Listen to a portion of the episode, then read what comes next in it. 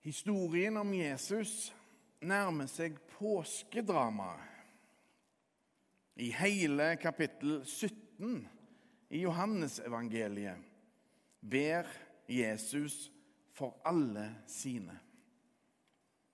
Han har forklart for sine venner hva som skal skje. At han skal tas til fange og bli drept. Og ikke minst at sorgen skal vendes til glede. Oppstandelsen skal skje den tredje dagen. Men disiplene forstår ikke hva han snakker om. Bønnen Jesus ber, er fulle av omsorg. Og vår tekst er den siste delen av denne bønna. Jesus ber for alle de han er blitt gitt, men òg for alle de som måtte komme til tro ved deres ord. Jesus ber altså for oss. La oss høre Herrens ord. Det står skrevet i evangeliet etter Johannes. Jesus sa, 'Jeg ber ikke bare for de mennesker du ga meg, men også for dem som gjennom deres ord kommer til tro på meg.' Må de alle være ett, slik du, far, er i meg og jeg i deg. Slik skal også de være i oss, for at verden skal tro at du har sendt meg. Den herligheten du har gitt meg, har jeg gitt dem, for at de skal være ett, slik vi er ett. Jeg i dem og du i meg, så de helt og fullt kan være ett. Da skal verden skjønne at du har sendt meg, og at du elsker dem slik du har elsket meg. Far, du har gitt meg dem, og jeg vil at de skal være der jeg er, så de får se min herlighet, den du har gitt meg fordi du elsket meg før verdens grunnvoll ble lagt. Rettferdige Far, verden kjenner deg ikke, men jeg kjenner deg, og disse vet nå at du har sendt meg. Jeg har gjort ditt navn kjent for dem og skal fortsatt gjøre det, for at den kjærlighet du har hatt til meg, kan være i dem, og jeg selv kan være i dem. Slik lyder det hellige evangelium. Jeg skal be for deg. Det høres ut som et positivt utsagn. Et omsorgsfullt utsagn. Men det trenger ikke alltid være tilfellet. Utsagnet 'jeg skal be for deg' avhenger både av den som sier det, og den som hører det. Hva mener den som sier det? Er det i rene kjærlighet det blir sagt? Eller er det for å sette den andre på plass? Og hva er det den som hører utsagnet, faktisk hører? Er den som sier det, og den som hører det, på så forskjellig sted at dette utsagnet 'jeg skal be for deg' faktisk fungerer som åndelig hersketeknikk. Du er så på villspor. Du er så langt borte fra meg sjøl at jeg skal be for deg. En kan si mye om USAs president Donald Trump. Men for noen uker siden så sa han noe som jeg var helt enig med han i. Han sa omtrent noe slik Min politiske motpart sier at de skal be for meg. Men det er feil å si når du ikke gjør det. Og du heller ikke mener det. Godt sagt. Rett sagt. For det han sier der, viser at vi mennesker kan bruke sjøl det gode på en negativ måte.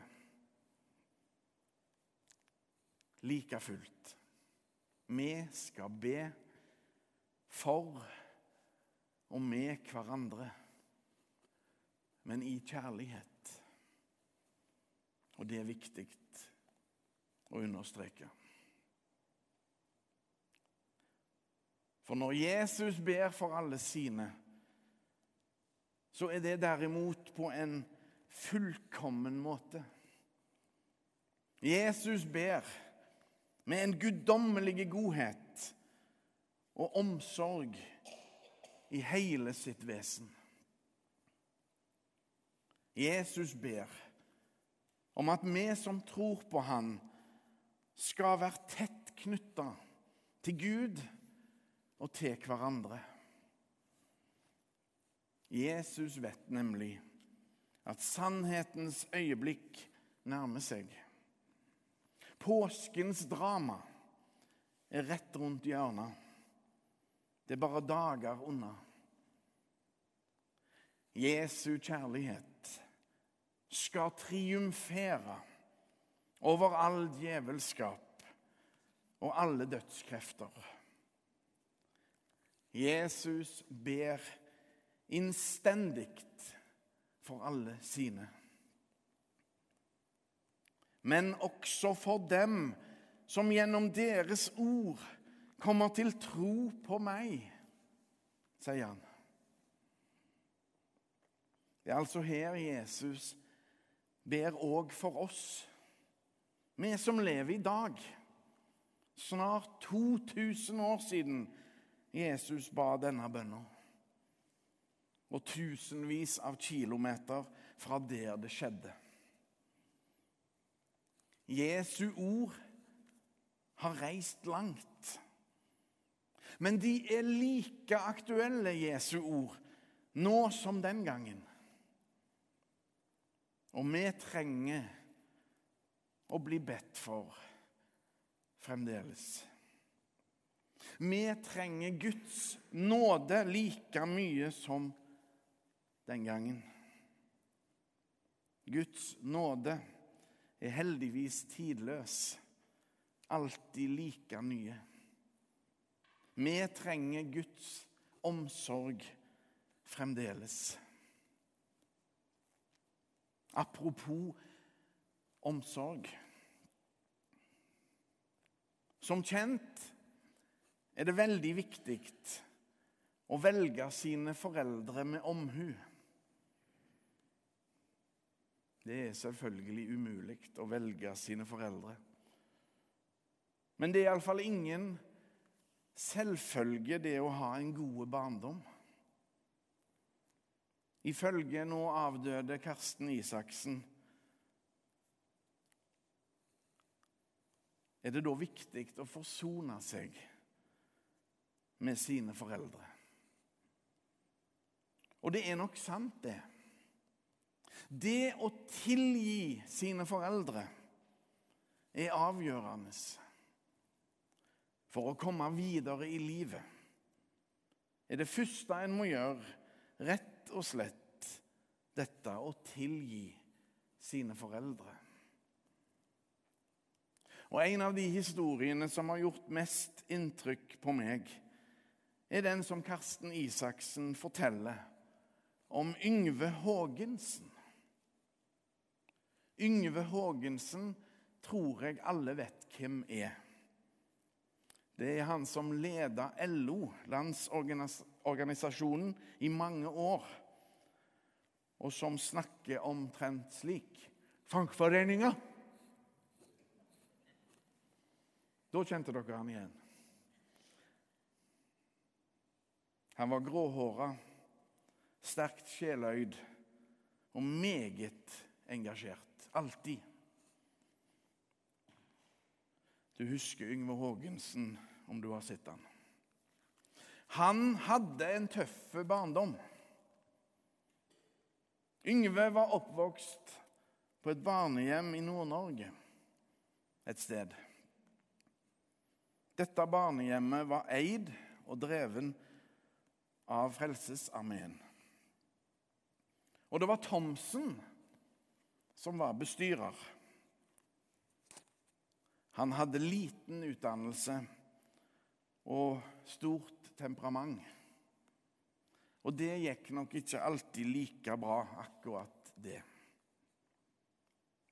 Og mange år etterpå, når Yngve og de andre som han hadde vokst opp sammen med, hadde sine jevnlige treff, da kom alltid praten inn på Thomsen. Og da ble omkvedet blant de fleste Thomsen. Vi skulle ha kverka Thomsen. Da pleide Yngve Haagensen å gå ut og røyke. For han ville ikke ta del i den klagesangen der. For han hadde nemlig tatt sitt oppgjør. Han hadde besøkt gamle Thomsen på pleiehjemmet.